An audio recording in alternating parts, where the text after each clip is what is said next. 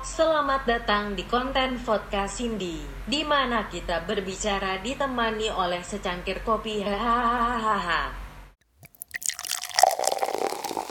Hai, ini adalah episode kelima dari konten podcast Cindy dan sesuai uh, request dari para netizen Instagram Marta CND. Hari ini ada Rian Wibawa. Hai Cindy, akhirnya aku ada di KFC. Oh my god. Kia kia kia. Oh my god, aku sangat sangat sangat bahagia. Jai, dong, tolong jaga image ya. Image Oh, iya. Rian Wibawa tuh bagus loh. Oh iya benar juga benar juga betul betul. Oke, yang belum tahu Rian Wibawa, mungkin yang belum tahu ya. Banyak Eh, banyak yang banyak. tahu. Rian Wibawa adalah seorang seseorang yang sangat berprestasi di industri kopi. Di beliau ini me, me apa? Juara CRT, CRW.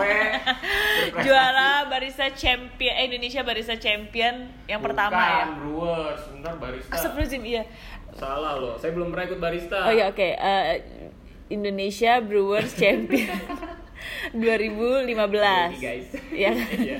Indonesia Brewers Cup Champion, betul. Eh, abis itu runner up Brewers Champion Eh, sebelum 2000. runner up gagal. Iya kan Jangan lupa. Oh iya. bisa kita sebutin ya nggak inspiratif gitu Oh, nggak inspiratif, iya, biasa benar, Eh, runner up Brewers Champion 2018 18. Terus juara 3 Brewers Champ Brewers Cup 2019. 2019. Lengkap, pialanya lengkap, Satu, guys. dua, tiga, ada iya, gitu ya. Kita bikin kompetisi apa di pialanya udah ada semua. Eh, bisa, gue kebenaran juga ada sih bikin di Blok M ya. Oh iya. Cuman hari ini kita nggak mau ngomongin itu kali ya basi. Basi, basi. G- Jadi gue sebenarnya pengen nanya sih dari se- sejumlah piala yang udah lo bawakan banyak banget itu, ya kan? Lu tuh sebenarnya sebelum di kopi itu lo ngapain sih Jo? Eh, anjir kalau gue flash flashback ke masa-masa gue sebelum masuk di kopi, mungkin gue seorang apa ya? Seorang Seorang anak kuliahan yang biasa-biasa aja. Gak, gue bahkan kayak lupa gitu. Lu kuliah di mana ya dulu? Nah tempat kuliah gue tuh juga nggak nggak bukan kayak di Untar, bukan kayak di Binus gitu ya. Nggak kayak di London School kayak Iya gitu, iya ya? Gitu Enggak ya? enggak Oke, gitu loh. Jadi gue kuliah di salah satu em, universitas. Jadi kalau yang apa ya bilangnya program lokalnya itu itu Institut Bisnis Nusantara yang ada di Cawang.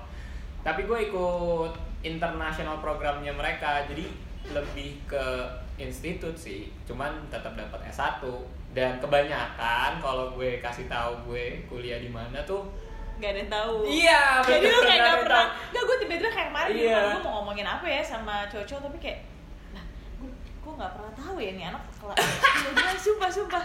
Terus terus terus ceritain. Pokoknya lu ceritain sedetail mungkin karena ini acaranya KFC, ya kan? Gue akan bikin lu kopi. Eh, Culture nggak? Culture, culture, boleh. Tolong Sambil ceritain ya sampai gue kelar bikin kopi lu Oke. Ah, Oke, jadi kalau gue ngomong soal kuliah, sekolah SMA, em, gue sekolah SMA di sekolah swasta.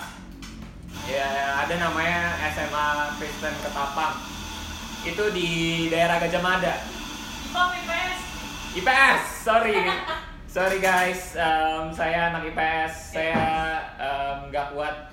Sebenarnya bisa, bisa masuk IPA. Udah, udah, udah apa istilahnya? eh compatible lah buat masuk IPA, tapi gue lebih milih IPS. Hitung-hitungan cuy. Jadi em, lebih milih akuntan. Ya bener, karena itu tadi tuntutan untuk buka bisnis kan. Jadi gue masuk IPS.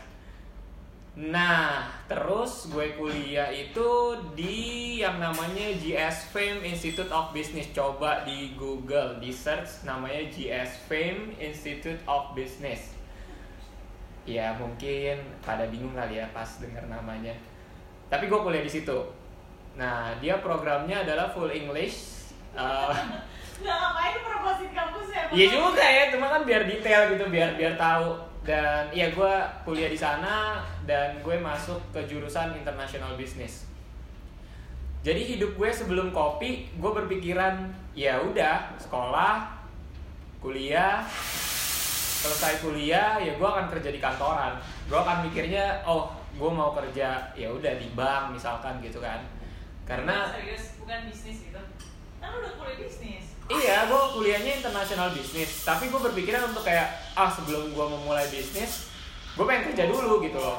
Gue pengen kerja dulu dan dulu tuh gue melihat bahwa orang kerja di bank itu, apalagi bank luar ya, oh ya itu keren gitu loh. oke Iya nggak? gue enggak sih Ah, lu nggak ya? Iya. sorry. Iya benar juga sih. Ya gue berpikir ya hidup gue akan akan akan berakhir seperti itulah. Istilahnya ya udah gue sekolah, lulus SMA, lulus kuliah, kerja di perkantoran, em, Senin sampai Jumat, em, berpakaian rapi, bekerja di belakang komputer, ya udah em, di situ aja lah. Maksudnya planning gue waktu gue kuliah sampai akhirnya ya gue memberanikan diri untuk uh, apply.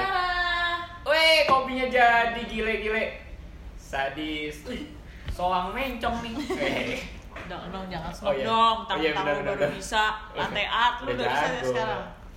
Ya sampai em, gue memberanikan diri untuk apply sebagai seorang barista waktu itu. Enggak, kenapa? Kok tiba-tiba ada faedah kepikiran gitu?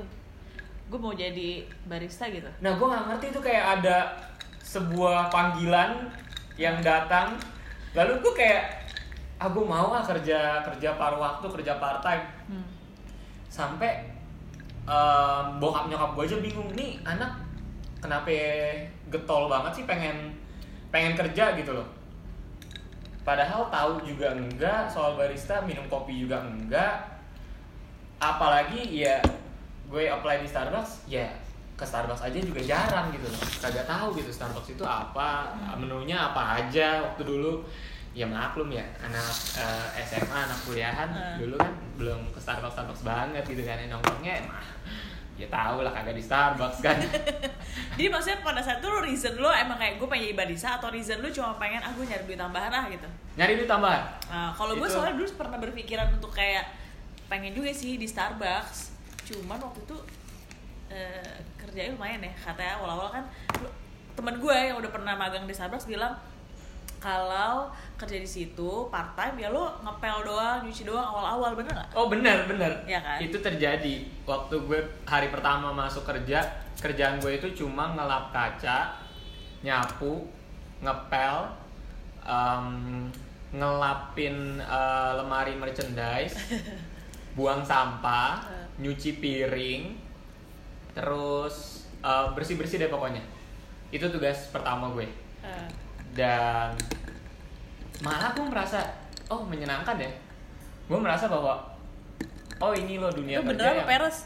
enggak ini beneran Kalau gue sih nggak mungkin ya nyapu iya kalau lu kenapa sih mungkin? mungkin udah mungkin ya enggak kali ya lo enggak tapi gue merasa bahwa uh, mungkin ini suatu hal yang mesti gue pelajari gitu dari dari dari momen gue bekerja gitu Tapi kan. nggak merubah cita-cita lo itu kan? Kan cita lo tetap mau bikin bisnis gitu.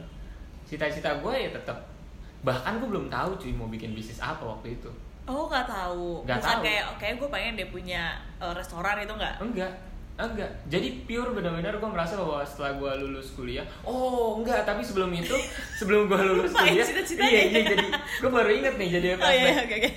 gue sempet pengen Ini belum diungkapkan di mana-mana Iya, iya, nih. belum diangkat di mana-mana. oke, oke, oke. Jadi sebenarnya pas gue kuliah, em, jadi ada saudara gue yang memang udah tinggal di Taiwan. Nyusul Oke. Hero, biasa ya kan. Ada Hero saudara apa Hero? Ah, bukan. Oh, bukan. Jadi ada saudara gue, om gue, itu Ah. memang udah tinggal di Taiwan dan gue ber ber istilahnya apa ya? Tiba-tiba berimajinasi sendiri kayak, oh gue lulus kuliah, gue mau belajar bahasa Mandarin ah di Taiwan. Taiwan, oke. gitu. Jadi itu uh, planning gue. Terima kasih dong mengingatkan ya. Jadi gue baru kepikiran nih. Bukan baru kepikiran sih baru Jadi ya kalau gue recap berarti pada saat itu seorang Rian Wibawa itu berpikiran untuk oke gue kuliah bisnis, abis kuliah gue mau ambil sekolah Mandarin itu Nah. udah jadi base gue nih untuk kayak mengembang apa bisnis. Nah, Nanti bener. awal-awalnya gue bakal kerja kantoran dulu Nah, supaya gue tahu lu. gitu kita bener betul kan betul maksudnya? betul Oke. hebat nih hebat Ah. bisa ngerangkum iya itu maksudnya jadi ya itulah hidup gue sebelum kopi yang ya apa ya bisa dibilang ya Tapi lu udah wisuda nih udah lulus. udah enak aja loh udah satu gue Oh, Oke oke. Em, ya gitulah. Jadi kalau gue flashback ke belakang memang eh, apa ya? Ya sebelumnya gue belum ada planning mau ngapain nih setelah kuliah gitu loh. Nah, itu lo waktu pertama kali di Starbucks semester berapa? itu gue masih semester 2 jadi benar-benar masih baru. Oh. gue masih umur 19 waktu itu. Gila masih muda ya. Gokil.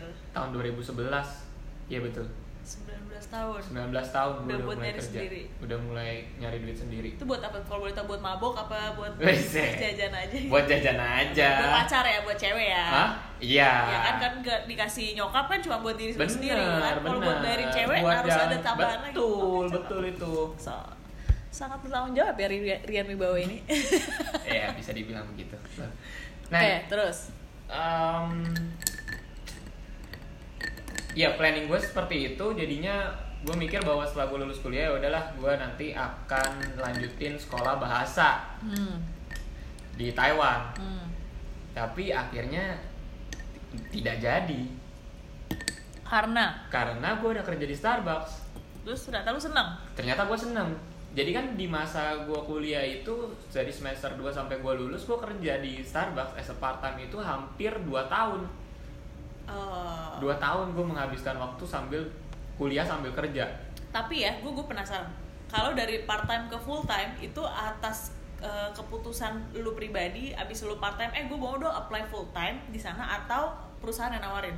atas keputusan pribadi Semuanya berlaku Iya. untuk semua barista. iya dan tergantung Oh. lu ada slot atau enggak untuk lu bisa naik full time bisa jadi lu misalkan Oh. pindah store atau enggak tetap di store itu tapi kalau lu udah menjadi part time dan memang lu available untuk bisa jadi full time Hmm. ya biasanya pasti akan disuggest untuk lu jadi full time Tapi lo kayak bakal ngirim CV dari ulang kah lewat HRD gitu atau enggak, langsung aja? enggak, langsung langsung proses jadinya Oh gitu. Jadi lo kayak gak bakal lewat. enggak Ini, lu ini, akan ini, kayak bisa. lu resign dulu terus lu tiba-tiba apply lagi ya full time enggak jadi Tapi lu kalau part kalau part time lo di interview. di interview Oh gitu. Jadi perjalanan gue lucu sebenarnya. Eh, waktu gue apply itu, gue sampai naruh CV ke kantor pusat, gue sampai ikut walk-in interview, bawa-bawa CV, gue sampai naruh di store Starbucks. Jadi nggak gampang ternyata apply kerjaan waktu itu. Padahal cuma part time ya. Padahal cuma part time. Terus gue sempet di interview tapi mereka nggak nerima part time. Gue cuma diterima CV-nya waktu walk-in interview cuma ditanya doang terus udah.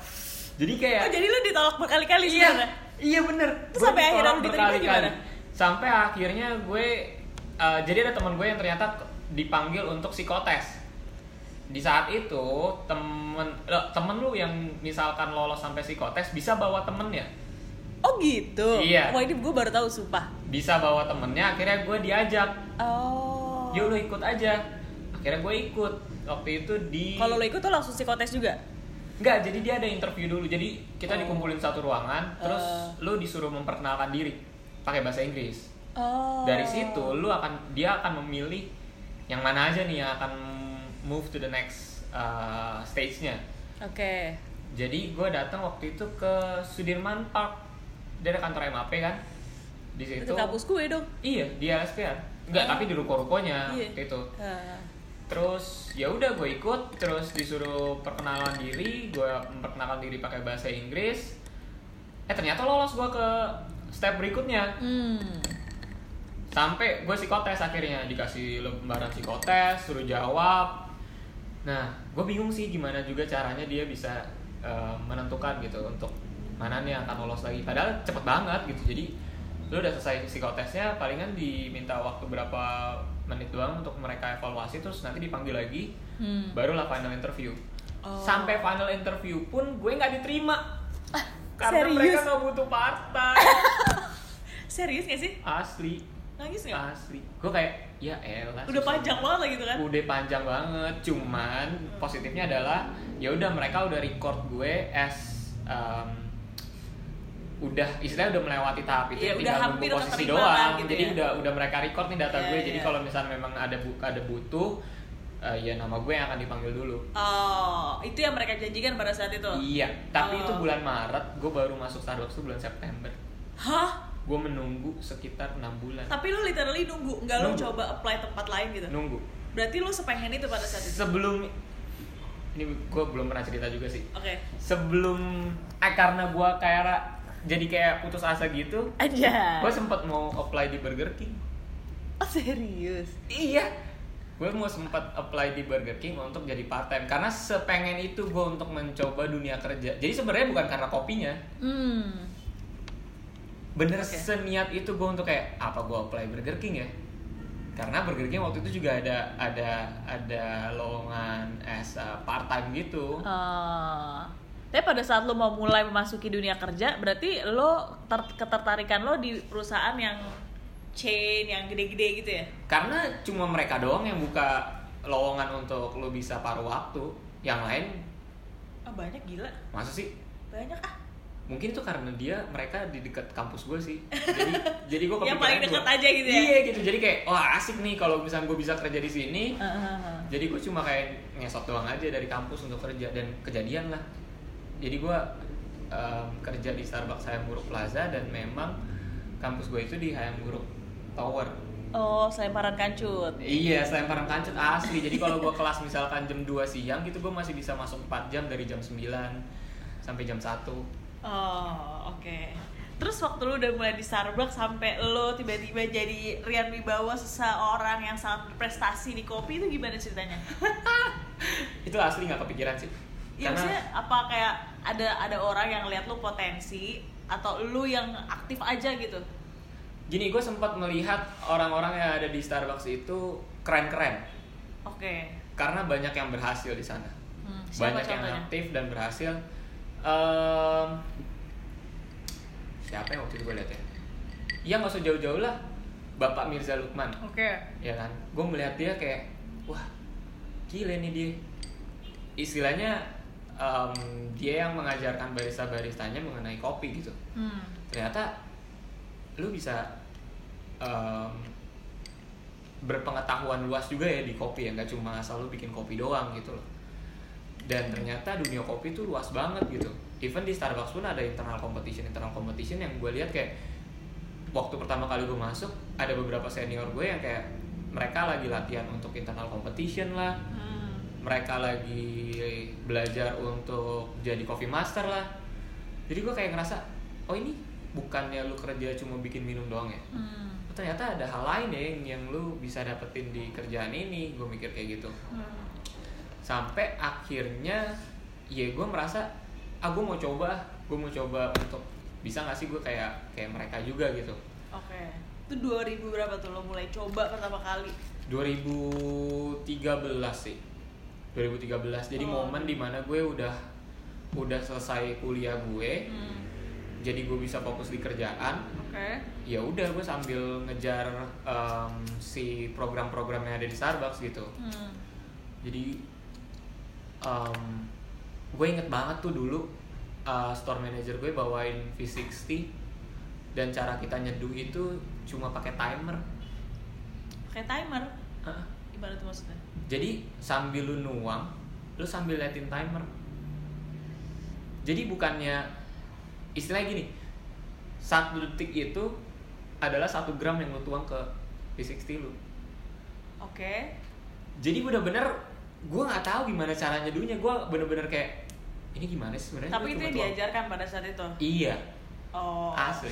Itu analogi eh, timer itu analogi es kan gue kalau Starbucks kan mungkin kayak lebih eh, ini kan apa sih operasional eh, Standar lah efisien istilahnya, gitu. udah resep Iya, ya, maksudnya iya, apa iya. karena itu timer itu cuma menentukan efisiensi waktu lu bikin sebuah secangkir kopi atau emang itu jadi parameter dalam menyeduh kopi untuk eh, apa? sebenarnya itu belum belum belum belum dipakai untuk serving customer jadi cuma buat belajar kita aja Oh, oh iya bener-bener belum nggak ada, ada, ya. itu Iya, nggak ada manual sama sekali belum ada jadi cuma buat belajar kita doang dan ada salah satu store manager gue yang bawain itu dan dia ngenalin itu untuk kayak Hmm. gini loh cara nyeduhnya eh, kalau lo mau nyeduh kopi dengan alat ini kalau lo nggak mau cuma pakai coffee press gitu kan Hmm. dan di situ gue kayak terus apa bedanya lu cuma nuang doang gitu kan Hmm. si airnya cuma lewatin kopi gitu dan si timer ini di dipakai untuk menjaga konsistensi aja gitu tapi di situ gue masih belum dapet apa yang lu bisa dapetin dari alat ini gitu loh Oke. jadi waktu itu gue bener-bener buta sama sekali soal manual brew dan gue ngerasa ya gue mendingan dalamin kopinya dulu aja. Heeh. toh waktu gue ngerasain kopi gue masih ngerasa itu cuma pahit doang. Gue ngerasa itu kayak iya udah sama aja kopi. Gitu Iya. apa yang lu bisa bilang beda gitu loh. Tetap sama buat gue. Oke. Sampai akhirnya gue malah lebih tertarik dengan cerita-cerita kayak sejarah kopi em, masuknya kopi ke negara-negara terus juga em, cerita kopi itu ada pasca panen dan lain-lainnya lah. Itu, gua diajarin dari Starbucks kah atau lu baca atau tidak aja? Diajarin ada. Diajarin ada oke. bukunya gitu. Dan ya mulai dari situlah. Jadi gue mulai jadi coffee master terus pindah ke reserve store opening di sana em, terus makin coffee industrinya makin berkembang. Waktu gue di GI kan tanah merah deket banget ya? Eh, ya udah main lah sana oh jadi Di lagi-lagi lu pertama kali itu juga ke Tanah Merah? Betul. Sumpah gak sih kok kita gak pernah ketemu? Gak tahu gue gak pernah nyadar hampir kalau setiap hari loh ke situ. Asli gue pasti kalau gue lagi break itu gue pasti ke tanah merah. Atau kalau gue libur misalnya tapi harus ke store atau Hmm. lagi lowong gue pasti akan ke tanah merah. Lo tau tahuan Tanah Merah dari mana? Em, banyak orang yang ngomong. Karena kan customer eh, di Starbucks kan sering Eh. bilang kayak em, tuh ada coffee shop di Tamrin Residence em, Eh. tanah merah namanya terus gue bingung tanah merah apaan sih tapi waktu Tanah Merah bukan karena kopi ya kan bukan karena mau lihat eh, barista ganteng bukan Eh buset, gue belum kenal Oh, sama sekali belum. sama dia. Belum, belum. Asli. Jadi bener-bener gue dateng, gue inget pertama kali itu gue ketemuin malah sama Wahyu. iya benar Wahyu salah satu tim open day Iya. Dan di situ gue ngerasa, oh ini barista. oh Ini loh barista. Eh, Dia bisa ngejelasin cara bikinnya. Eh. Dia bisa ngejelasin lu mau kopi apa, yang rasanya kayak apa. Dan gue Hmm. masih inget gue nyobain kopi waktu itu adalah Ciwidey Natural. Oh iya, itu emang paling enak sih. Gue juga pertama kali jatuh cinta sama kopi tuh Malabar natural di situ. Itu kayak, wah gila. Gue sampai kayak, ini nih kopi. Eh. Kayak begini nih kopi. Ya udah gue jadi sering main ke sana lah. Ya, apalagi waktu itu kan di sana juga baru-baru banget ngenalin filter kopi kan. Nah. Terus kayak dikasih coba ya kan. Nah, Pasti bener. lo impress banget ya gara-gara itu. impress seimpress impressnya jadi Eh. gue ngerasa bahwa wah gila kopi bisa bisa kayak gini gitu rasanya benar-benar beda dari apa yang gue surfing di di di kedai gue sendiri gitu loh di tempat gue kerja gue bukannya jadinya berpikir mana yang bagus mana yang jelek tapi Hmm. kayak lebih ke arah wah ternyata kopi tuh seru ya Ah. dari aspek yang sisi yang berbeda gitu Iya, iya. dan gue ngeliat ya itu tadi sisi barista yang um, welcoming sisi barista yang ramah Eh, sisi barista yang menerima customer yang sama sekali belum tahu soal kopi di guide sama mereka sampai lu bisa suka sama kopi. Oh, oke. itu bener-bener menurut gue momen itu memorable sih buat gue jadi gue ketemu Wahyu gue ketemu Aga uh, yang sampai bener-bener tuh mereka tuh se passionate itu untuk Eh. ngejelasin apa yang mereka lakuin Ah, Oke. Terus apakah itu lo aplikasikan ke kompetisi pertama lo di Starbucks? Um, kalau ngomong kompetisi sebenarnya masih jauh momennya karena itu tahun 2013 gue benar-benar baru baru mulai belajar soal kopi gue sempat ikut sih kompetisi di Starbucks itu namanya Coffee Ambassador Cup itu tahun 2014 dan gue gagal di situ Itu ngapain kalau kalau Coffee Ambassador? jadi uniknya kalau Starbucks itu namanya Coffee Ambassador itu lu diuji teorinya sama juga coffee tasting Teori eh, dengan brand ya? Apa teori kopi secara teori kopi secara luas. Jadi Oh, oke. misalkan tiba-tiba lu dikasih tahu uh, uh, mesin espresso tuh siapa yang nemuin sih? Lo harus tahu namanya siapa. Oh gitu. Itu Iya. kayak ujian gue waktu kecil tuh. Asli itu kayak ujian bener-bener ujian teori. Oh, oke, oke. Ujian teori yang lu harus bisa jawab gitu. Iya, iya. Terus um, abis itu ya gue gagal di Coffee Ambassador itu. Hmm. Um, dan akhirnya ya udah gue menjalani perjalanan gue di Starbucks ya seperti biasa lagi ya udah gue Hmm. serving coffee gue belajar manual brew doang sampai di titik waktu itu gue pengen banget ikut kompetisi lagi Hmm. dan di situasi itu sebenarnya gue belum deket sama Mas Mirza Hmm. dia tuh kayak untouchable banget dia Pada tuh oh, galak. asli asli Hmm. se se sehoror itu dia Pada saat itu dia udah udah ini apa tuh GM kah learning and atau- development oh manager dia oh Iya. manager learning and development Iya. oke Jadi bagian learning and development dan dia ya nggak banyak ngomong gitu kalau Hmm. misalkan em, lagi ketemu sama barista atau partner gitu. Jadi bener-bener kelihatannya tuh wah gila nih orang menyeramkan gitu loh. Oke, terus gimana cara lo akhirnya menyentuh hatinya seorang Mirza Lukman? Karena gue ada di Starbucks Reserve hmm. dan em, jadi salah satu store yang di bisa dibilang yang paling dilihat sama uh, office Hmm. jadi banyak sering banget dia datang ke ke store gue untuk kayak Oh. giving uh, materi training Ah. terus juga uh, gitu. iya dan jadinya gue yang kayak um, sering berkomunikasi sama dia soal kopi. Hmm. dulu uniknya adalah pas buka store-nya kan kita dapat kopi yang sebelumnya kita belum pernah tahu reserve coffee Tunggu tunggu, gue sebenarnya pengen tahu nih, mumpung lo lagi sini, bedanya secara signifikan Starbucks biasa sama Starbucks Reserve tuh apa? uh, line up coffee-nya Oh jadi ada origin yang nggak ada di Iya. yang yang regular tapi ada di reserve. Oh Ya, jadi biasanya. jumlah original lebih banyak. jumlah original lebih banyak tapi stoknya nggak banyak Roastingannya rasa sama apa nggak? roastingannya beda Maksud gue j- eh, kan- lo nggak bisa bilang itu light roast tapi Iya tapi lebih lebih muda daripada. Iya. Oh gitu. Iya. Oh baiklah. betul jadi ya originnya banyak Uh, kita sebutnya ya mereka sebutnya mikrolot sih bagi bagi Oh. bagi mereka gitu jadi yang masuk masuk ke Starbucks Reserve itu kopi-kopi yang productionnya nggak banyak gitu Oh gitu. lo bisa aja nemuinnya tahun ini tapi tahun depan bisa aja nggak ada gitu Oh bener-bener kayak coffee shop sekarang yang Iya. indie gitu loh ya. betul oh baiklah. betul Oke oke. gitu jadi lebih spesifik lagi misalkan em, eh, Ethiopia Konga Hmm. ya udah itu jadi salah satu origin yang masuk ke reserve coffee gitu cuma dari satu farm doang misalkan ya udah Oh, gitu Tapi kalau menunya sendiri sama.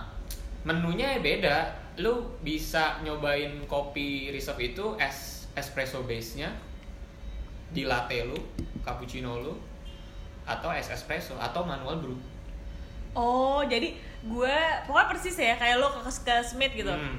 Gue mau kayaknya ini di latte gitu. Iya. Kalau di Starbucks sana kan gak ada kan? Kayak Iya. lu cuma latte ya udah terserah dia mau Iya, ngasih apa. Oh betul. gitu. Kalau di Starbucks biasa kan lu dateng mesen caramel macchiato ya espresso Iya, nya iya. satu udah lu tinggal terima ya caramel macchiato tapi kalau di reserve store itu lu bisa eh lu beansnya hari ini ada apa oh ada kita lagi adain beans A beans B lu mau beans yang mana Oh, walaupun gue mesennya vanilla latte tetap boleh milih kopinya. Em, sebenarnya menunya kita nggak pakein sirup sih di, di Starbucks Reserve Oh gitu, nggak ada sirup semuanya? nggak ada sirup Serius?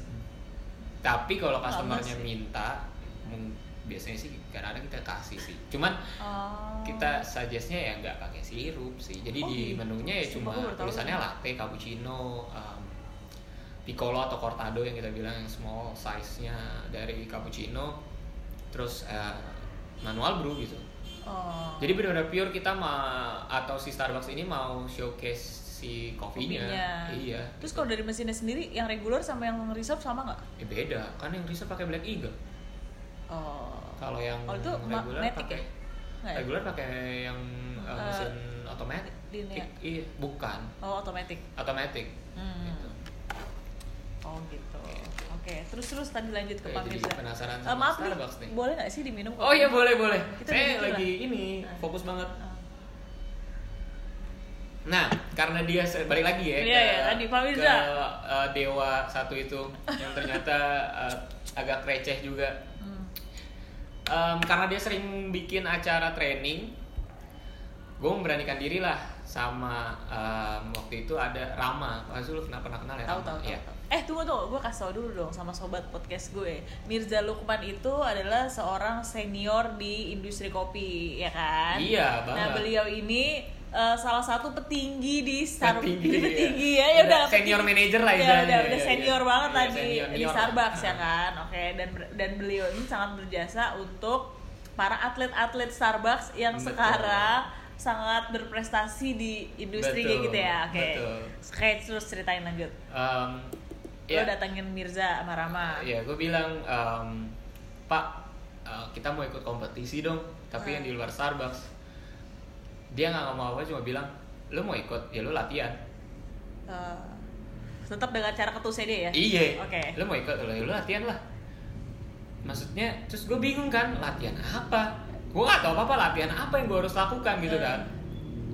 Sampai akhirnya dia bilang ya udah em, dia nentuin hari ya udah lu datang ke office dia bilang gitu Em, ya itulah sisi dia yang menurut gue kalau lu nggak bisa adaptasi ya dengan dia Hmm. lu akan merasa kayak kok begini ya cara cara nge-guide nya tapi yang gue dapat adalah itu akan membuat lu jadi dewasa gitu untuk Hmm. ya kalau lu mau menggapai suatu hal ya lu usaha gitu loh Ah. jangan nunggu disuapin gitu Iya. jangan itu. cuma jangan cuma em, ngerengek aja gitu loh. Gue mau ini gue mau ini tapi lu nggak usaha gitu. Oke. dan gue merasakan itu ketika yang gue bilang tadi ketika kita dapat kopi yang baru gue sempat tanya sama dia kan nih kopinya harus gue giling di size berapa? Udah ada ketentuannya belum? Dia cuma bilang ya lu cari sendiri lah lu kan yang di store. Gue kayak oke. Eh, lu yang cari gue yang akan datang gue tes. Enak apa enggak? Oke. di situ gue ngerasa kayak oke Dulu tuh Pak Mirza udah jadi juri juga kan di Udah, di udah. Barista Championship ya kan? Udah. Oke. gue inget banget waktu itu gue melihat kompetisi yang di La Piazza 2015 Itu ada gue juga. Makanya gak ketemu lagi. Enggak, gue gak datang. Gue cuma lihat Oh. dari dari dari dari sosial media kayak Oke. anjir keren banget ya. Uh-huh. Lu bisa ada kompetisi. Ya pokoknya keren lah gue mikirnya Iya. bahwa dunia barista itu em, ya udah ya itu gue bilang tadi gimana dengan cara dia yang ketus eh, galak untuk lu kayak ya lu mau sesuatu hal ya lu usaha gitu Oke. ya akhirnya gue datang untuk ngelihat bahwa oh ternyata maksud dia adalah satu hal yang dia cuma minta adalah lu latihan setting grind size deh Oke. Grind size tapi grind size yang ada di Starbucks. enggak jadi dia cuma kasih ada kan ada grinder ya lu Oh. cobain nyeduh kopi Apa tuh grinder waktu itu? barazza Oh, oke. kecil Oh, bukan yang industrial. bukan jadi itu bisa. karena kan lu bisa belajar kan jadinya kan di situ Oh, kalau oh. industrial kan kayak terlalu variabelnya terlalu luas maksudnya Iya, ya lu iya. nggak bisa ngapa-ngapain gitu kan Sedang- sedangkan barazza kan ya memang untuk manual brew gitu dan Hmm. memang ada waktu itu di di training center ya udah gue cuma mencoba untuk kayak dibilangnya kalibrasi grinder Oh. untuk lo tahu Itu cuma lo sama Rama pada saat itu. iya Berdua di training center. berdua Oke. Terus dan terus. ya itu akhirnya ada kompetisi namanya Aiki Brewing Competition Oh, iya sih Aga juga ikut. Aga juara Ah, dua. apa ju- satu? agak juara dua Lu juara? juara tiga Yang juara satu siapa? gue lupa na- Joni namanya ya? tapi dari Eh, bukan ya? dari Lataza gue ingat banget Lataza Oh gitu, oke. Itu adalah kompetisi pertama eh, sebelum eh, IBRC IBRC, oke. Iya. jadi em, itu momen di mana gue bener-bener ya belajar kopi sih. Tapi belajar yang menurut gue juga belajar yang keras. Hmm. karena setiap kali gue latihan seduhan gue nggak enak. Hmm. asli. Gue pun bingung kenapa gitu. Sampai kalau gue lagi nyeduh gitu ada si Mas Mirza dia cuma ngomong seduhan lu nggak enak lu mendingan latihan aja deh latihan nyeduh aja nggak usah nggak usah presentasi dulu gitu lu nggak usah ngomong-ngomong dulu deh lu Iya. pokoknya nyeduh aja dulu Di tapi itu lu nggak nggak nggak sakit hati gitu kan maksudnya lu akhirnya juga mencoba mendevelop diri lu sendiri bener gak sih Bener, kalau sekarang kan kalau dibilang nggak enak ka- Sakit ada yang hati. denial ada yang sakit hati ngambek atau nggak mau ngelanjutin kompetisi dan lain-lain gitu kan Iya benar. Jadi kalau dilihat bahwa wah di coaching Mas Mirza mungkin lu akan dikasih tahu semua pengalaman dia. Kagak, yang pasti lu harus berusaha dulu tapi pasti dia akan sharing pengalaman ya Iya, gitu. loh. iya, iya. tapi sambil lo belajar gitu kan sambil Iya. lo latihan kan Maksudnya bukan lu- kayak lu ya nggak- ayo anak-anak ini gini Nah. caranya kayak gitu ya Nah. oke Lu nggak yang kayak oke ini resepnya lu seduh, ya udah lu jalan dan main kompetisi. Enggak, dia maunya lu yang membuat sebuah konsep lu sendiri oke gitu. Jadi gue gue mengambil sisi positifnya bukan sisi negatifnya gitu loh. Mungkin beberapa orang kalau nemu coach kayak gitu akan merasa iya gila gue kan nggak tahu apa-apa gitu loh. Eh, Tapi itu akan membentuk lo sih untuk lebih bisa lebih dewasa sama ya lu nggak jadinya nggak gampang nyerah gitu. Oh, oke. Gitu. Terus waktu di Aiki itu peraturannya tuh udah sama persis ya? Kayak di IBRC bikin tiga gitu nggak sih? Enggak bikin satu doang. Oh. satu lu bagi tiga Oh, satu oke. lu bagi tiga jadi lu siapin dripper satu doang lu siapin gelas ya udah nanti lu seduh lu bagi tiga deh ke jurinya Ah. nah uniknya itu gue bertemu dengan barista-barista yang di luar Starbucks yang lu bilang tadi ada Aga ada Ah. Wahyu Ah. ada siapa lagi waktu itu pokoknya barista tanah merah semuanya waktu itu Ah. ikut terus ada barista Caswell juga ada Arif nggak sih ada ada ya kan? gue ingat ada Arif ada barista dari Caswell juga Hmm. ada dari Anomali Hmm. Uh, dan uniknya adalah pas gue technical meeting waktu disebutin Starbucks tuh kayak Hah, Semua orang itu ya? nih?" Iya asli kayak serius nih ada barista Starbucks ikut kompetisi Hmm. cuman ya udah santai aja gitu Iya. Um, gue ikut kompetisi dan nggak nyangka eh gue berdua sama Rama bisa masuk enam besar Ah, oke. Gue ini kan pasti sebenarnya lu belum lu udah sering sih cerita ke gue, tapi kan lu belum pernah nih ya cerita ke orang-orang belum pada tahu nih. Proses coaching waktu lu sebelum kompetisi itu kayak gimana? Seorang Mirza Lukman.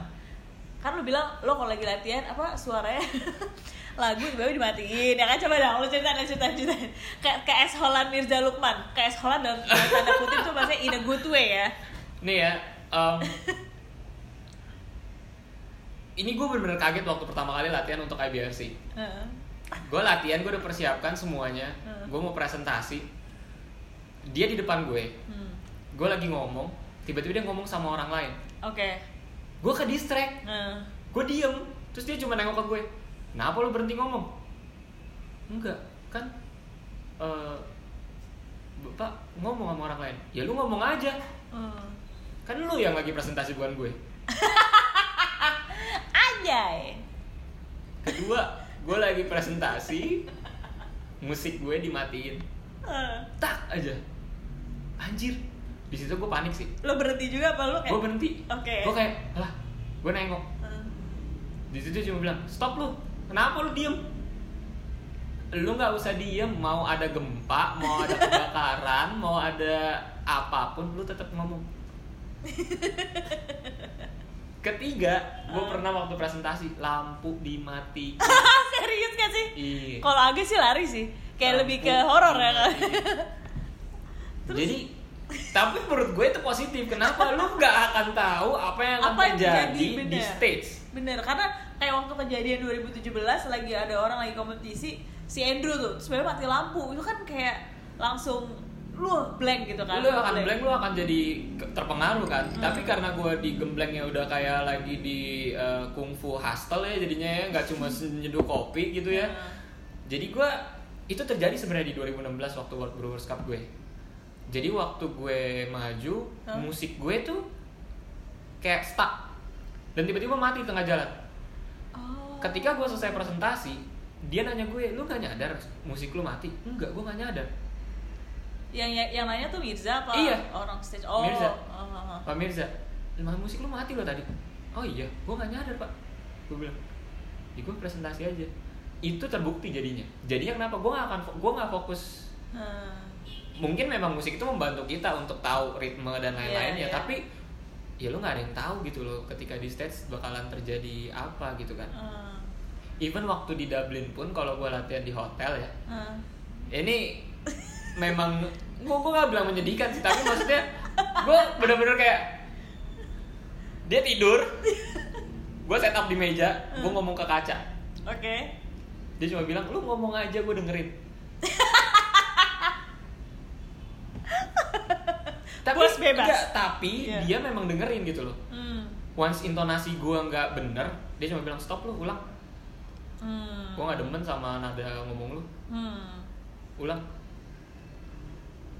Eh tapi lu waktu itu di gue denger lu sempat les public speaking sama si disuruh Mirza apa gimana gitu. Iya gak sih? Public speaking itu karena di Starbucks ada em, karena company kan ada trainernya ya. Oh. Jadi gue ikut public speakingnya di di Starbucks gitu. Jadi emang sebenarnya karena lu as a employee itu lu harus ngelewatin itu atau karena Mirza ngelihat potensi lu akan ikut kompetisi eh lu ikut cow gitu? Jadi sebenarnya waktu itu gara-gara internal competition juga di Starbucks.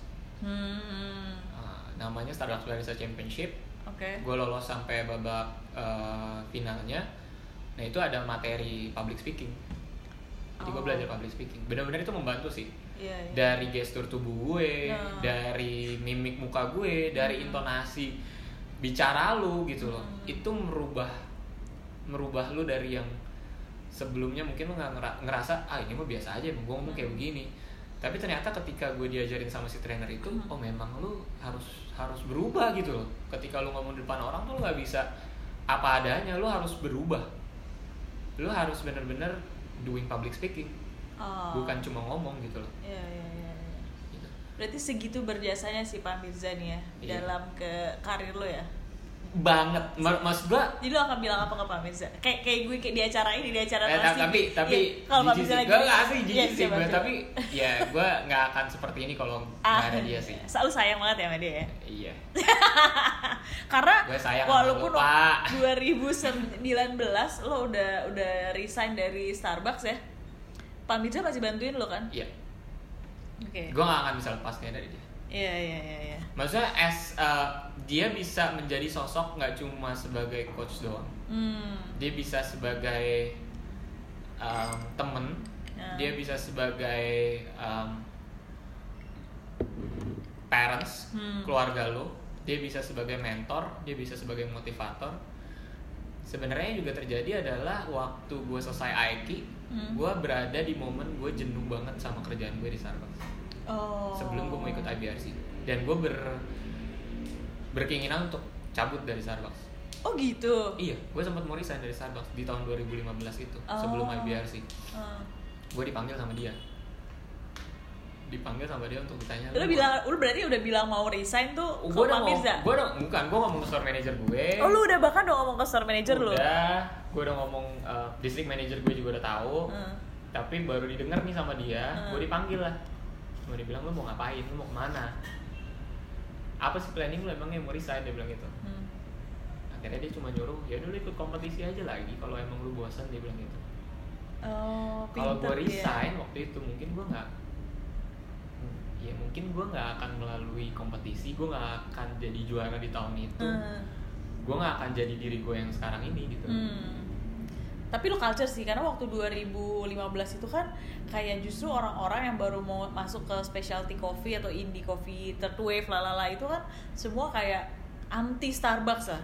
Ya, secara kasar biasa eh, stigmanya kayak gitu pada saat anti Starbucks tuh sampai pas hari itu juara satu adalah Rian Wibawa dengan lo pakai apron hijau. Itu kayak Itu- kontradiktif banget kayak anjir tapi abis itu semua stigmanya tuh langsung wih oke respect respectnya sama Starbucksnya juga respect sama Mirza gitu kayak ya ternyata ya dulu kan banyak banget kayak ah gue nggak mau ah kerja di Starbucks gue maunya kerja yang kayak gini gitu kan. Tapi ternyata enggak gitu lo kerja di mana pun kalau eh, development diri lu ya itu lu sendiri yang bentuk Ya, ya kan? ya, lu yang milih ya, bukan ya. bukan perusahaan lo gitu. Ya, Buktinya betul. banyak juga yang mungkin di let's say di common ground misalnya. Tapi ya kalau dianya nggak nggak ngedevelop diri sendiri dan nggak berusaha ya dia nggak jadi apa apa bener nggak benar benar ya gue uh, gue seneng untuk bisa membuat gue ngelihatnya bukan dari sisi eksternal dari orang lainnya tapi dari sisi internal uh, Starbucksnya juga. Hmm. jadi memacu barista-baristanya untuk oh gue mau deh untuk belajar soal kopi gue mau untuk coba ikut kompetisi gue mau untuk kayak um, bisa juga kayak gitu gitu loh. Jadi um, stigma yang kalau lu kerja di Starbucks cuma kerja doang tuh jadi ya jadi berubah gitu loh bahwa Iya. ya benar kata lu bilang tadi adalah ya semua balik ke orangnya sih. Ah, mau lu kerja di mana pun ya source untuk lu belajar pasti ada kok. Ya. gitu. Jadi ya menurut gue 2015 itu bener-bener tahun yang gue nggak akan lupain sih. Pasti. Karena lu baru mulai dan lu langsung juara satu. Ya jadi waktu itu gue di Brewers Cup bisa juara lalu di internal yang di Starbucks Barista Championship pun gue juara oh setelahnya lu juara lagi? Ya oh di Starbucks Barista Championship oke. itu.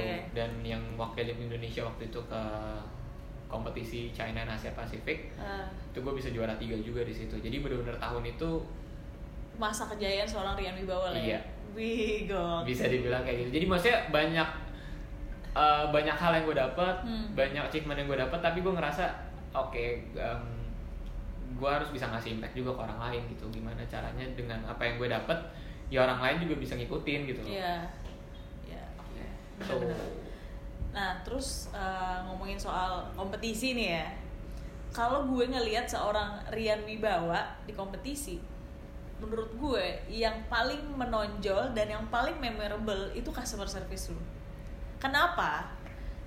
Eh, satu karena gue pernah ngajurin lo dan Hmm. emang terbukti customer Hmm. service lu nilainya bagus banget. hmm. Tapi dan gue respect ketika gue ngelihat keseharian lo in real life gitu, eh, lo mengaplikasikan eh, se- apa customer service lo tadi itu bukan cuma di kompetisi karena banyak banget kan yang cuman bagus terus nilainya tinggi itu cuman kayak pas kompetisi doang Ah. tapi in real life gitu secara attitude dan sebagainya kan itu ya enggak gitu ya ya gue respect banget soal itu sih dan banyak banget gue kita pernah cerita kan waktu itu kayak soal eh co eh, gimana sih?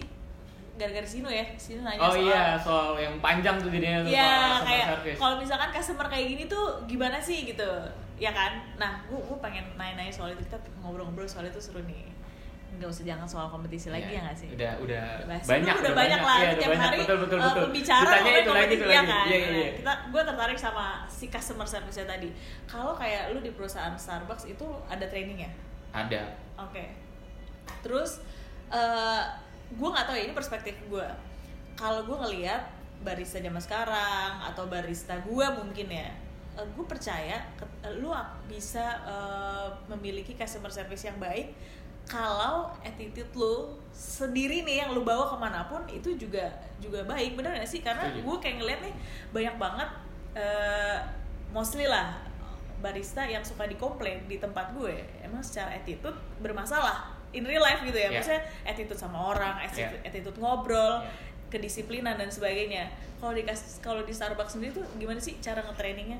Maksud gue pondasi-pondasinya gitu tuh apa sih Sebenarnya kalau lu cuma trainingin teori gampang, maksudnya ada semua bahan customer service tuh lu bisa bisa bisa kasih gitu. uh, Cuman yang gue dapet di Starbucks adalah em, ya lu lead by example. Maksudnya lead by example adalah lu nggak cuma nyuruh gitu, oke. Tapi as a leader pun lu lakuin hal itu. Uh, Dan karena juga kebanyakan yang sekarang kerja adalah yang kita sebut milenial ya, ya lu harus bisa ngasih tahu reason why-nya sih. Kenapa lu harus ngelakuin ini? Kenapa lu harus ngelakuin itu? oh. Dan kalau lu ngomong customer service itu adalah part of your attitude, ya itu benar gitu loh. Uh, Karena gue sering memberikan contoh, em, ya itu akan berpengaruh ke kehidupan lu sehari-hari kok. pasti Customer service itu gue anggap sebagai gimana lu bisa baik sama orang lain, bukannya as as that ya bukan melayani ya, ya bukan melayani orang lain as raja atau lu diperintah sama dia ya lu iya aja iya gue tahu ada ada sisinya kok lu bisa Uh. bilang enggak tapi customer service itu adalah bukannya melayani customer jadi merasa dia sebagai raja Uh. tapi gimana ya lu bisa nge-treat dia as human gitu loh oh as a human itu part of human sense lu jadi Iya. gue sering bilang atau ngasih contoh gampangnya customer service itu bukannya lu lu bisa ngejual produk lu Eh. lu bisa lu bisa ngasih tahu produk lu nih isinya apa aja. Itu bukan customer service itu sales. Betul. Customer service itu part of yang lu nggak diajarin. Yang lu nggak ada sama sekali di tatanan rules and regulation company lu tapi lu tahu itu hal yang benar untuk lu lakuin. Oh, oke. Contohnya gampang gue sering bilang bahwa kalau misalnya ada customer deh Eh, datang Em, dia pesan minuman misalkan banyak nih. Em, dia bawa tray akhirnya. Kan lalu dia mau ke smoking area.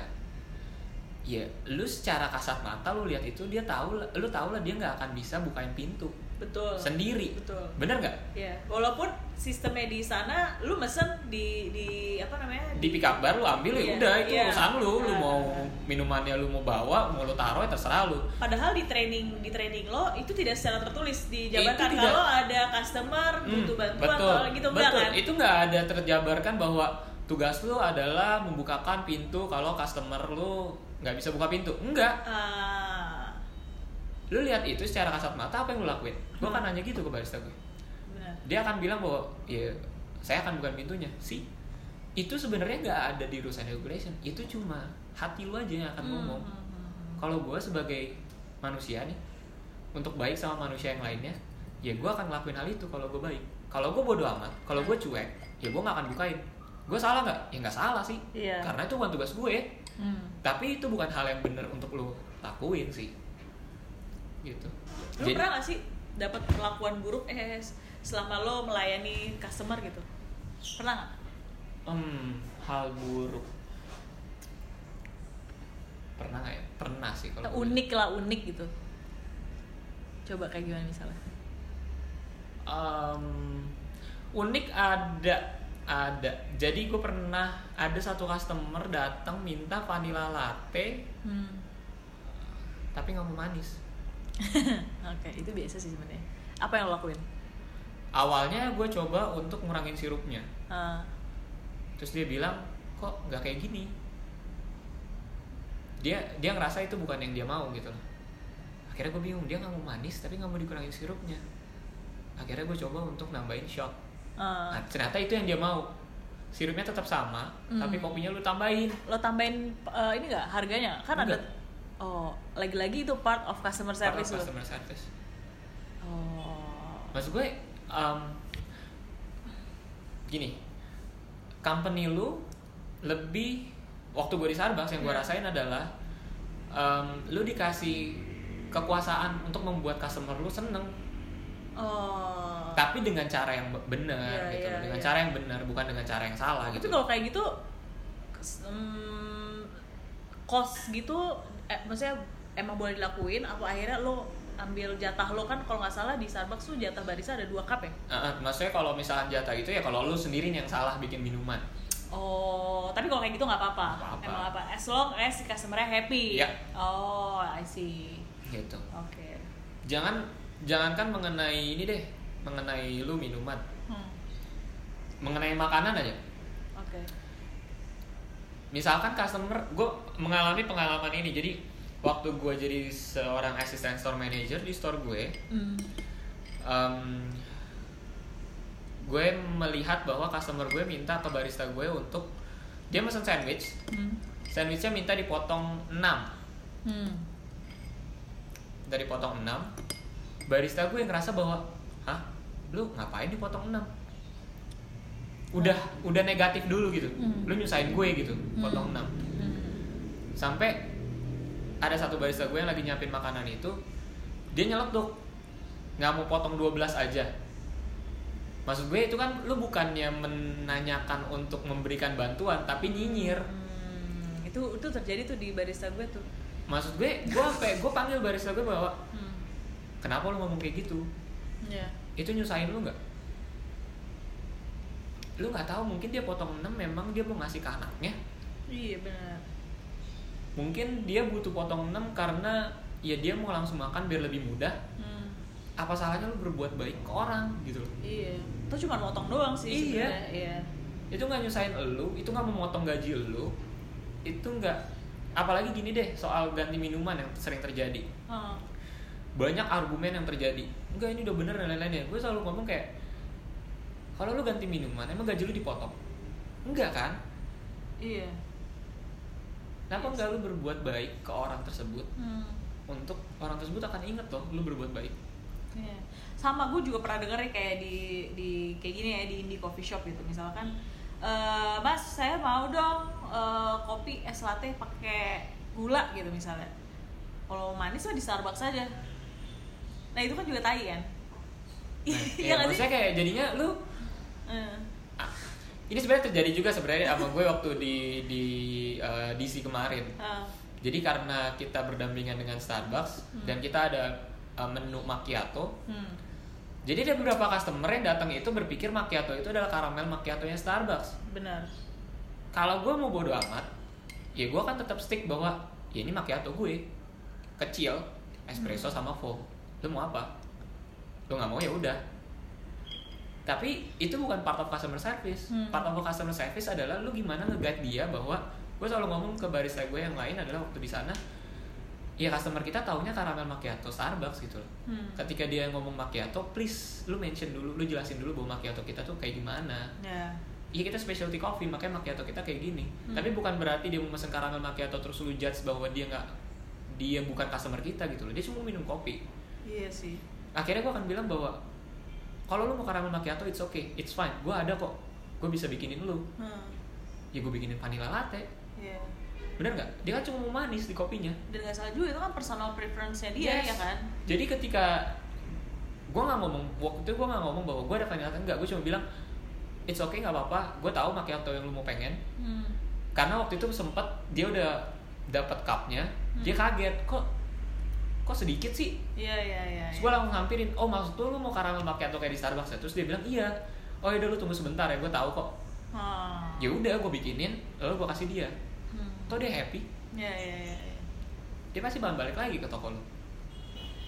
Iya, benar-benar sama. Gue juga kemarin tuh ada barista gue. "Eh, Mbak, ada es krim nggak? Kalau es krim ya Flamidi aja. Ya itu kan kayak maksud gue ya, ya itu kan as simple as lu tinggal jawab aja. Ya, mungkin gue nggak salah, mungkin tipenya dia emang cara ngomong kayak gitu. Tapi kan lu boleh ngomong kayak gitu mungkin ke orang yang udah deket sama lo ya nggak Iya, sih? iya. Kalau kayak gitu kan kalau gue juga jadi orang baru kayak apaan sih lo? Ya, Iya nggak? Iya. Iya namanya part of customer service kan politeness gitu. Iya. Iya nggak sih? ya, Lu cuma bawa, tinggal jawab se- sebaik-baiknya gitu. Iya. Apa susahnya sih Iya. gitu. Dan menurut gue akhirnya kayak tadi ya kalau gue dengar cerita lu, lu pernah nggak sih dapat customer asshole? Kalau dari based on cerita lu sebenarnya itu sama sekali nggak asshole. Ya itu berarti kan eh, ada timbal balik ya gitu. U- u- apa eh, lo mendapatkan apa yang lo berikan ke orang lain jadi Iya. menurut gue karena lo ngasih eh, apa eh, service yang baik as a human Iya. gitu jadi lo pun juga diperlakukan dengan baik dengan orang Iya. lain bener nggak jadi Iya. kalau misalkan seorang barista di kedai dia sering diesholin orang berarti menurut gue perlu juga ya dia tanya ke diri sendiri bener nggak sih iya setuju gue. Hmm. Yang lu bilang tadi ya customer service itu eh, cerminan attitude lu. Iya. Nggak cuma di cafe, maksudnya di di kehidupan lu sehari-hari sebenarnya sih. Iya.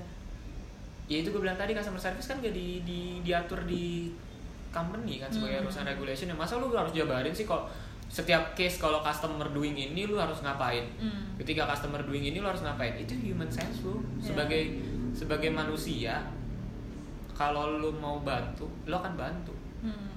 kan gitu ya nih kalau lu Iya. mau cuek ya lu akan cuek kalau pada dasarnya lu cuek ya lu gak akan bantu customer itu Oh, Karena- gue kira lagi bahas mantan cuek-cuek. oh ya gila ya. Bukan ya? Ini selalu ada intermezzo di Iya, intermezzo ya. Ayo fotoin dong. Oh iya benar, bentar. Iya. Ngobrol ngobrol. Iya. iya. Agak ke distract mohon agak maaf ke distract ya. Ah, terus terus. Jadi em, itu yang gue bilang tadi gue selalu menganalogikan bahwa customer service itu ya itu part of hidup lu sebenarnya sih. Iya, iya, Lu iya. mau bantu atau lu mau cuek? Mhm. Lu mau susah untuk buat orang lain happy atau lu mau ngurusin diri lu sendiri? Hmm. Contoh gini lah, em, yang gue bilang tadi lah orang misalkan bawa tray minumannya banyak, Hmm. lu tahu itu bukan tugas lu gitu. Iya. gue akan selalu bilang barista gue pada saat lu melihat hal itu emangnya waktu lu di interview sama HRD-nya dikasih tahu bahwa tugas lu adalah membukakan pintu customer Hmm. enggak tapi semua orang yang gue tanya dia akan secara langsung ngomong bahwa ya gue akan bukain pintu Hmm. berarti kan itu human sense lu kan Iya, bahwa itu adalah hal yang benar untuk gue lakuin Ah. jadi sebenarnya kalau gue bilang customer service itu adalah ya hal yang benar untuk lo lakuin bukannya melayani orang menjadi seorang raja Hmm. atau mengagungkan customer itu istilahnya walaupun dia salah pokoknya gue akan akan terus um, praise dia lah pokoknya Iya. enggak bukan itu loh Ah. customer service itu bukan bukan bukan istilahnya Hmm. lu harus jadi rendah bukan tapi lu jadi helper Hmm. lu membantu Hmm. bukan lu melayani gitu iya. iya. Gue punya gue punya satu case nih yang mau ya kita pengen bahas. Jadi gini, kalau eh, gue kalau lu datang ke misalkan minimarket ya, Hmm. itu kan sempet nih dibahas di sosial media Eh, nggak ada kembaliannya mbak kembaliannya seribu rupiah boleh disumbangkan nah tapi gue juga sering lihat di coffee shop Hah? maksudnya ya nggak ada kembaliannya misalnya gitu atau kayak gue naik gojek apa segala Iya. macam gitu kan suka ada yang kayak gitu kan terus Iya. akhirnya secara tidak langsung nyuruh kita untuk ngiklasin gitu kan Iya. Kalau gue gue punya dua perspektif karena gue juga pernah kerja di ba- di, di operasional dan gue eh, jadi pelanggan juga gitu. Bukannya gue nggak mau tapi menurut gue cara yang tadi tuh kayak apa ya kan sempat tuh tau gak sih sempat ada dibahas kayak di di Alfamart gitu Iya. eh, menolak untuk lo menyumbangkan karena akhirnya lo sumbangin tuh ke mana? Iya, lo iya. nggak ngasih tahu Iya, gitu kan? iya. Men- menurut lo tanggapan lo gimana? Atau kalau lo sebagai seorang barista lo mengalami kejadian kayak tadi nih lo lagi ngelayanin customer terus habis itu eh kembaliannya kurang lo ngapain? Em, gue akan komplain ke leader gue. Oh sebaiknya harusnya gitu kan? Iya gue akan komplain. Gue akan bilang gue gak ada kembalian.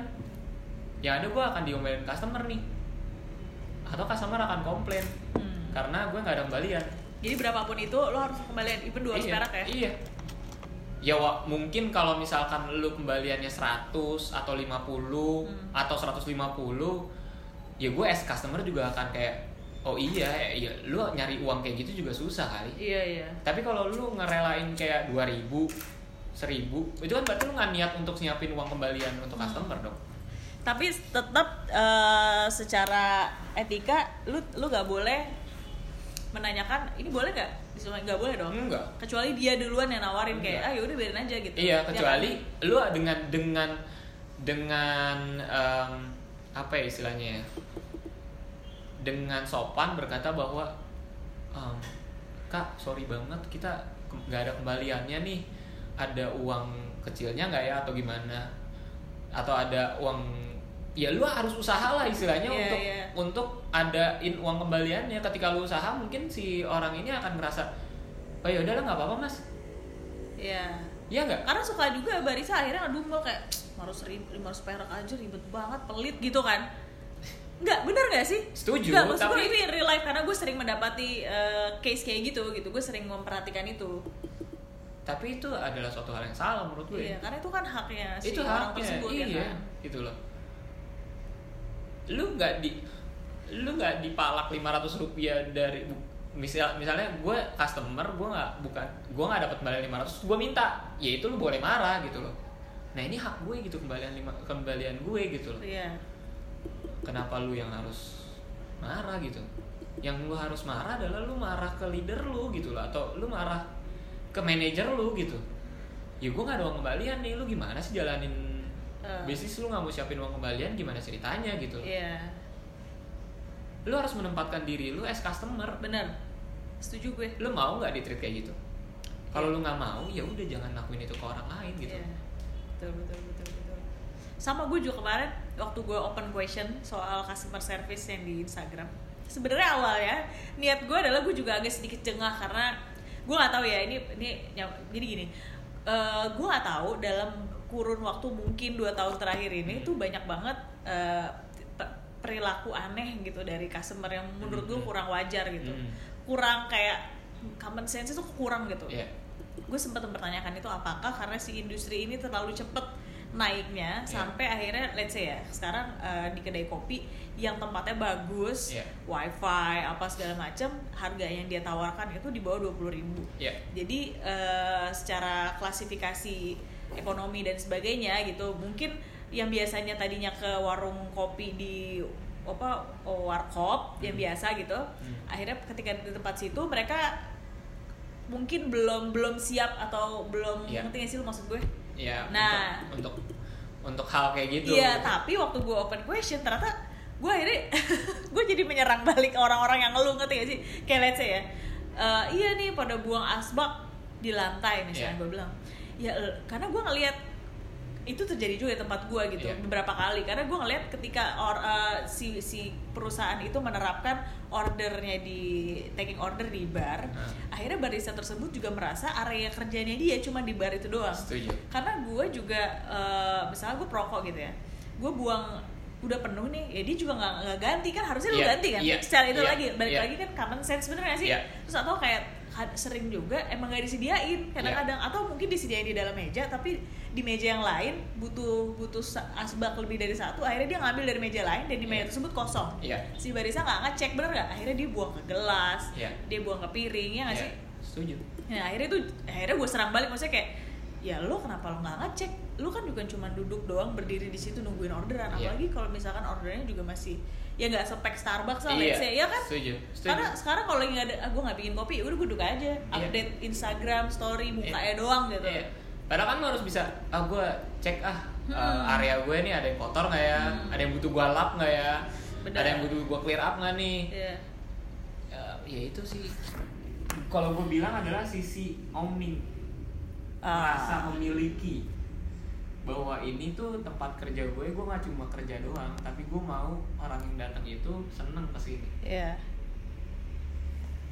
Terus terus. jadi kalau dia udah ngerasa bahwa ya gue datang gue cuma kerja doang Ah. gue datang cuma bikin kopi doang ya ya lu akan gitu-gitu aja menurut gue Iya.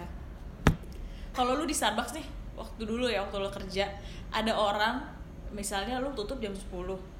Mereka duduk sampai di atas jam 10, cara lu gimana?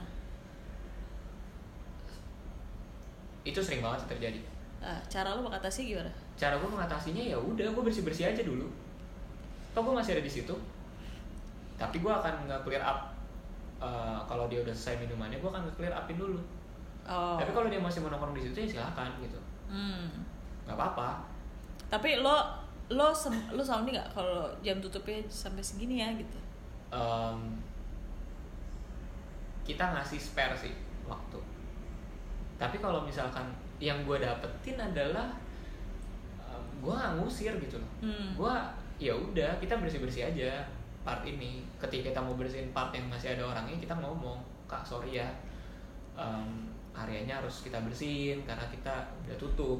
Eh, gitu. Tapi lu boleh nih angkat-angkat eh, apa bangku gitu sebelah dia. Bersihin gitu Um, kayak biasa biasanya sih kita akan ngebersihin part yang lain dulu gitu loh. Oh tapi lu nggak boleh eh, apa lu ngelakuin ngepel udah ngepelin kakinya dia misalkan gitu? Iya lu minta izin dulu lah, Oh, jangan tiba-tiba lu langsung kayak datang lu ngepel kaki ya lu ngusir. Iya soalnya ada ada banget gak sih? Gitu maksudnya gue Iya gue melempar isu itu kan beneran ada gitu kayak let's say mungkin dia ngusir secara halus walaupun kalau gue secara sebagai customer menurut gue itu sama sekali gak halus. Dia ngepel dia nge- lagi ngobrol nih lo ngevakum ya gak sih depan muka, depan lo atau kadang-kadang lagi ngepel ya udah maaf bisa ya mbak dipel gitu kan Iya, iya. Eh, secara etika juga nggak nggak Iya. nggak sebaiknya gitu gitu Komunikasi sih maksud gue lu harus bisa ngomong, lu harus bisa ngasih tahu gitu loh. Mhm. Lu harus Ya kalau lu udah ngerasa negatif duluan nih, yang gue lihat adalah ketika customer service nggak berjalan karena lu udah negatif dulu sama customernya. iya sih Ya dia lagi, Hmm. ya dia lagi nih yang mesennya cuma ini doang. iya iya iya Kenapa? iya Tuh dia beli gitu kan? Hmm. Ya dia lagi nih yang mesen kopi pakai gulanya banyak. Kenapa gitu loh?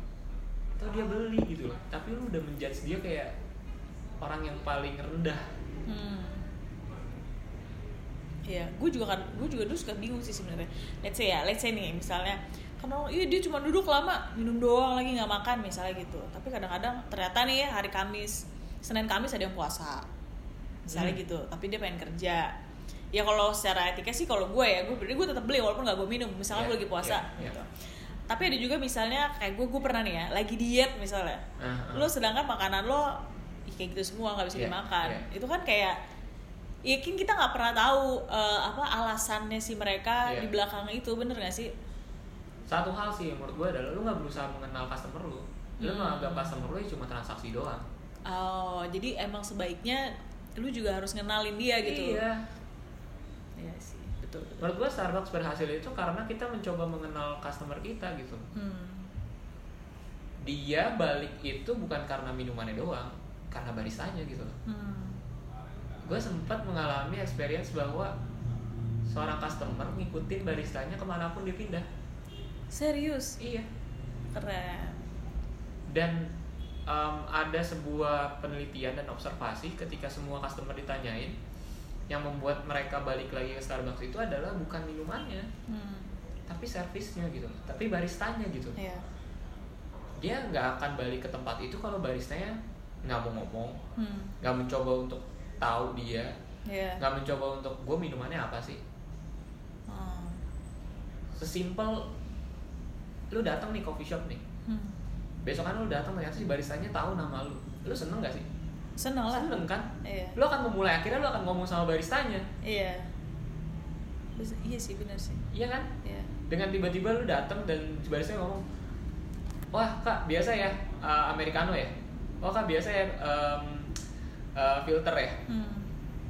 lu akan kayak wah adanya um, keingintahuan si barista ini untuk ya customer service lagi gitu loh Iya. nggak cuma lu jadiin si customer itu datang transaksi udah gitu Hmm.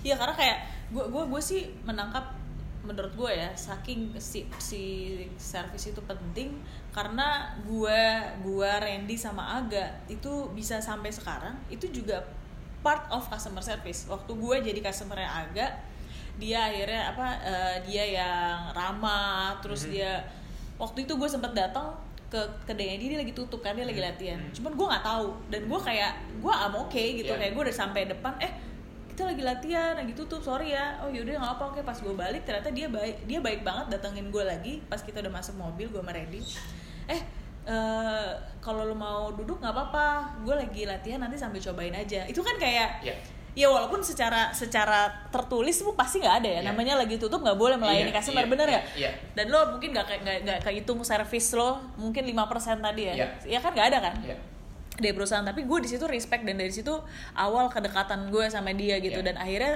kita akhirnya berbisnis Iya. terus sampai sekarang jadi teman dekat itu kan Iya. kita nggak ada yang tahu gitu siapa yang sedang lo layani apa apa yang nanti terjadi sama dia kan kita nggak tahu Iya. dan kayak let's say ya gue dulu uh, the barista Dela gitu Iya. Dia juga dekat banget sama customer sampai akhirnya sekarang dia bisnis bareng Iya. terus kayak gue sama customer gue waktu itu akhirnya sampai saking deketnya gue jalan-jalan ke luar negeri bareng Iya. gitu kita kan nggak ada yang tahu ya nggak sih. Nah, dari cerita lu uniknya adalah makanya kan lu bisa menceritakan momen itu dengan jelas dengan clear Hmm. di kepala lu lu masih inget Hmm. momen customer service yang lu dapetin yang menurut lu wah gue gak akan lupa Iya. bener nggak Iya. lu mungkin kalau coffee shop nemu minuman enak ya udah skrabatan aja Iya. gue nemu Iya uh, sih. minuman enak gitu loh tapi lu bisa nemuin itu di mana aja tapi customer service lu akan lu akan inget itu terus Iya. ya antara bagus atau jelek Oke.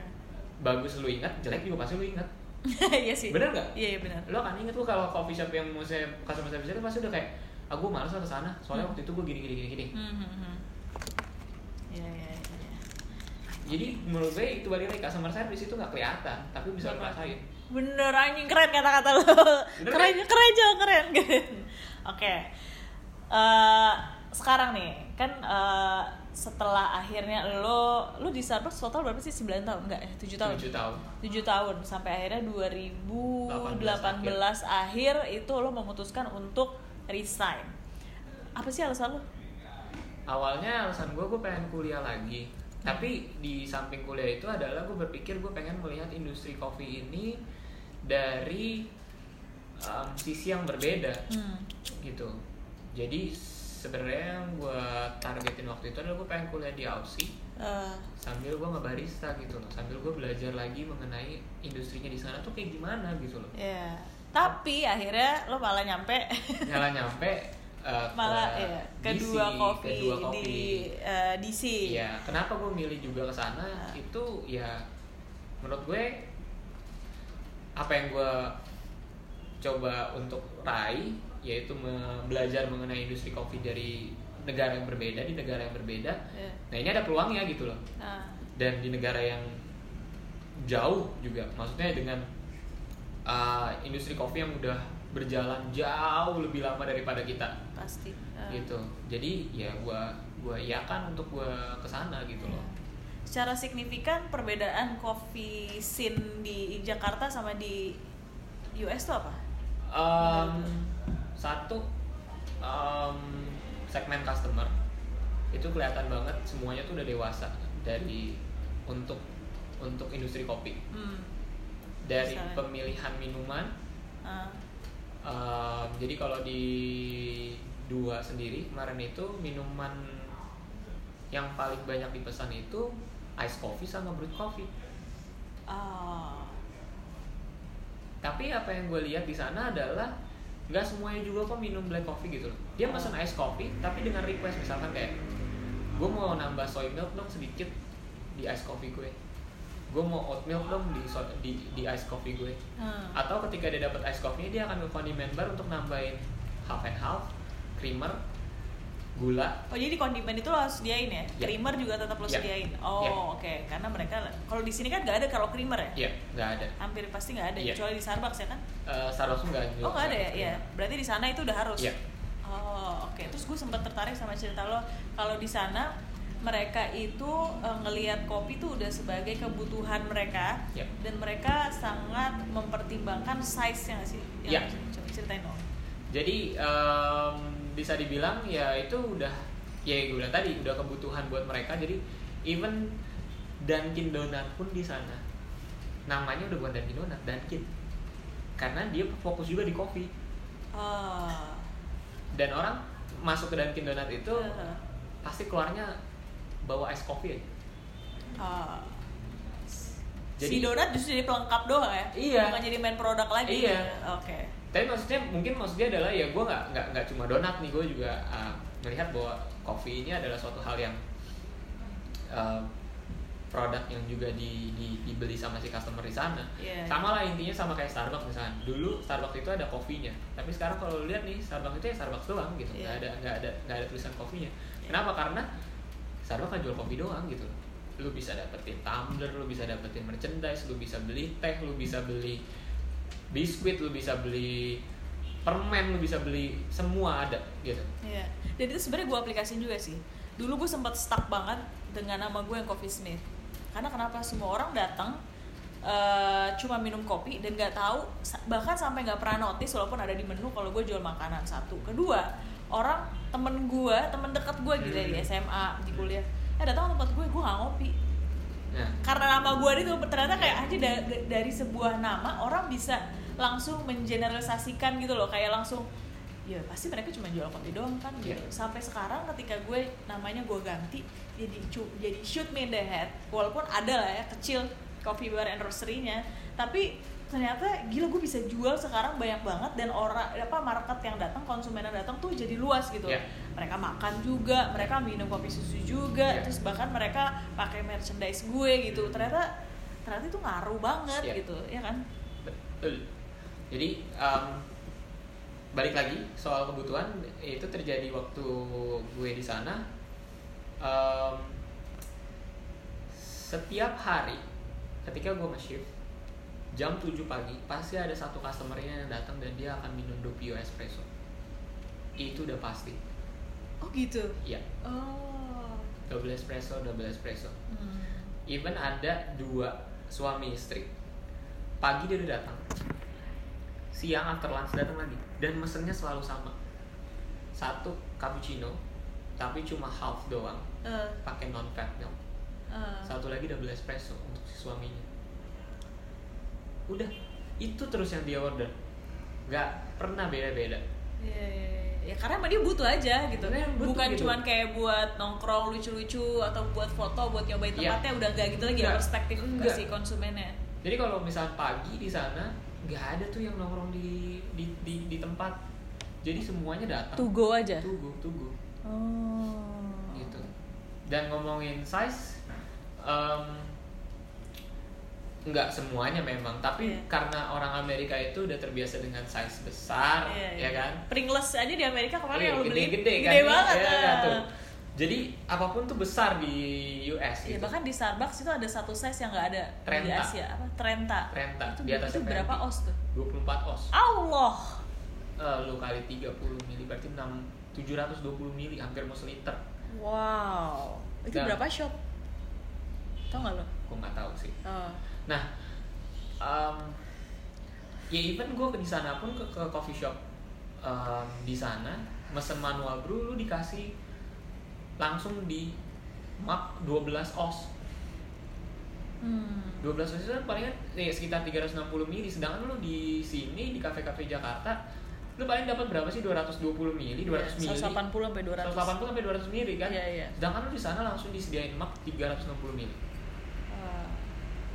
Jadi ya udah beda menurut gue dan nggak ada coffee shop yang menyediakan bukan yang nggak ada sih hampir jarang Ah. coffee shop yang menyediakan manual brew pakai karaf oh jadi kalau lu pesan manual brew ya lu minum langsung di mugnya Iya iya iya iya. udah gitu loh Hmm. jadi nggak ada momen lu nuang nuang minum nuang minum ya lu Oh. mau minum manual brew nih udah nih di mug Even yang kayak si third wave gitu juga. ya Oh. karena mereka juga yang gue lihat ya manual brew itu udah udah nggak terlalu in banget maksudnya Oh, in udah adalah beda ya? bukan yang nggak jadi fokus Oh, tapi oh, oh. di cafe itu mereka lebih milih gue mendingan ada batch bro Iya sih, secara efisien kerja juga iya gitu lebih menghemat waktu. lebih menghemat waktu lu lebih bisa ngerjain hal yang lain Hmm. dan kalau lu ngulik ya bener rasanya enak gitu loh Hmm. Lu kalau di sana berapa cup gitu sehari? Kurang lebih rata-rata. kalau brewed coffee itu 25 sampai 30 cups Eh, kalau ice coffee itu bisa 40 cups total berarti 200 ke atas. 200 kita ngomong transaksi aja itu kalau hari biasa bisa 180 sampai 190 transaksi waktu gue di sana Eh, dan itu lu baru banget buka ya? baru banget buka Baru banget buka. Dan mereka nggak nggak sama sekali canggung gitu kayak ini brand apa gitu nggak ya? justru mereka penasaran Nah, Em, mereka kalau datang pasti selalu nanya misalnya dua itu artinya apa lu dari mana oh, lu nyediain apa gitu. aja lu udah buka dari kapan Dan dia notice nggak sih kalau itu dari brand Indonesia gitu? Em, enggak Nggak sama sekali. enggak karena satu em, kita menonjolkan Indonesianya tuh lebih ke arah kopi yang kita em, sediain gitu Iya iya. dan em, banyak dari mereka yang akhirnya nanya lu dari mana sih emangnya ini Hmm. gitu jadi itu momen komunikasi sih jadinya Iya. momen komunikasi di mana dia akhirnya jadi notice kayak oh lu dari Indonesia oh kopi lu tuh dari Indonesia semua Hmm, hmm, hmm. oh ternyata kopi Indonesia tuh banyak ya Iya, iya, Eh, iya. nggak cuma yang gue lihat di Starbucks misalnya Sumatera doang Hmm. tapi Sumatera itu terdiri dari daerah-daerah lain gitu oh ternyata ada kopi dari Bali ya oh rasanya Hmm. ternyata nggak nggak cuma itu aja gitu ternyata lu Iya. bisa ada rasa frutinya dan lain-lain gitu loh Hmm. Ada nggak yang nggak tahu Indonesia? Em, kebanyakan sih belum pernah ke Indonesia Oh, tapi tahu gitu. tapi tahu kalau ngomongin Soalnya suka banyak kan Iya. bule-bule yang nggak tahu Indonesia, atau ya Bali misalnya gitu. Nah Bali pasti mereka tahu. Iya, iya, iya. Tapi uniknya adalah beberapa customer yang datang karena itu kan waktu kita buka adalah momen di mana berita bahwa ibu kota kita akan dipindahin. Oh iya iya iya. iya. Jadi ada beberapa customer yang datang, oh lu dari Indonesia, eh katanya lu ibu kota lu mau dipindahin ya? Oh bahkan mereka tahu. Mereka tahu. Wow. Mungkin karena itu kan state ya federal state ya maksudnya ya Iya, iya. government semua di sana semua. Oh iya benar. DC, Jadi iya, capital. lupa gue. Jadi orang-orang pemerintahan, orang-orang yang ya update mengenai Iya. keadaan dunia luar juga. Jadi makanya dia juga nanyain hal Iya, itu. Jadi gitu. dua kopi di eh, tempat eh, Rian sekarang kerja itu ada di area apa distriknya eh, government district Iya, ya. Ya. dekat sama White House kok. Ya, di belakangnya White Di House ya belakangnya katanya. White House. Ya. Berarti lo Iya. sering ketemu orang penting tuh ya? Wih, tapi gua kagak tahu yang penting yang mana. Kayak sama semua, ya kan? Gitu. Oke. Sebenarnya sih kita masih, gue pengen masih pengen ngobrol ya, cuma bapak kayak sibuk banget nih. Eh, iya, Jadi, tadi saya lihat udah jam mulai agak Iya, panik ya. gitu kan. Nah, cuma tapi lo aku ini seru kan? Seru. Ternyata Mungkin kita podcast bisa gue ada- akhirnya bisa berisi loh. akhirnya berisi loh mas Iya, akhirnya ya. kita ngobrolin hal-hal yang ya gue juga belum ngomongin hal ini sih di Iya. di podcast podcast lain gitu. Karena Uh. Iya satu pot Iya selalu nanyain palingan perjalanan, Perjalanan, ya. karir, Iya. iya, iya,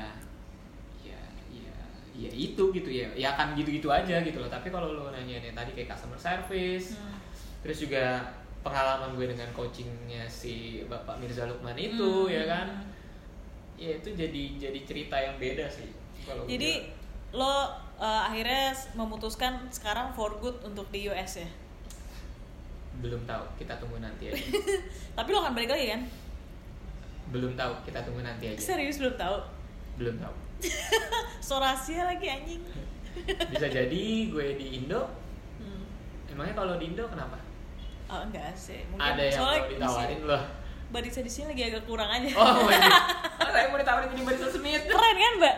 Ngebajaknya dari ini, Iya, dari, podcast. Dari podcast langsung. Berarti total kemarin di US berapa lama? 6 bulan. 6 bulan. Oke. Gitu. 6 bulannya udah banyak banget ya ceritanya ya. Banyak sih. Itu bukannya banyak lagi. Banyak banget. Jadi ya karena ya itu ketemu sama beberapa em, orang-orang kopi di sana juga gitu Iya, kan. iya. Jadi kenal komunitasnya gitu loh. Tahu cara mereka memperkenalkan kopi di sana tuh kayak gimana gitu. Jadi Hmm. belajar banyak sih gue. Dan tujuan lo dapat akhirnya lo melihat uh, perspektif yang lain dalam Ya. industri kopi ya kan ketika lo di Ya. Amerika ya kan. Ya. Oke. Oke. Kita harus bikin uh, with Coco point 2.0 deh Iya, kayaknya. part 2 ya, Part dua yang ya? lain gitu ya. Ngomongin mungkin masa depan. Iya, gue padahal ngapain. pengen nanya soal percintaan, tapi beruntung banget gitu. Lu nih udah satu setengah jam gitu. lu beruntung banget akhirnya lu nggak dikenakan pertanyaan itu ya. Iya, kelamaan. Kelamaan ntar, Ntar takutnya ada air mata ntar gitu. podcastnya nggak nggak didengerin. Nggak gitu didengerin kan. karena kelamaan ya. Oke, thank you Coco. Sama-sama sudah diundang ke KFC. Yeay. Saya pencapaian selalu. yang akan saya masukkan ke CV saya bahwa saya adalah salah satu narasumber KFC. Wes. Peres. Peres. Eh, Biar dipanggil lagi. Kopinya nggak dihabisin lagi, gue tersinggung loh. Dari tadi saya ngomong soalnya. Biar ini nggak habisin kok. Oke semuanya, sampai ketemu lagi di episode ke-6 konten podcast Cindy. Siapa lagi selanjutnya? Eh, Yang dibawa lagi. Oh bukan, bosen ya. Bosen nanti ya, mungkin pas episode ke-25 25 mungkin yang lagi. udah jauh kali ya, gak ada cerita-cerita lain gitu. Ya kan ntar lu melalang buana ke negara lain baru Iya, cerita iya. lagi. Thank you semuanya udah dengerin. Jangan lupa kalau misalkan ada feedback eh, DM aja ke Instagram dan kalau misalkan ada dengerin jangan lupa eh, tag tag kita ya. Bye bye. Bye.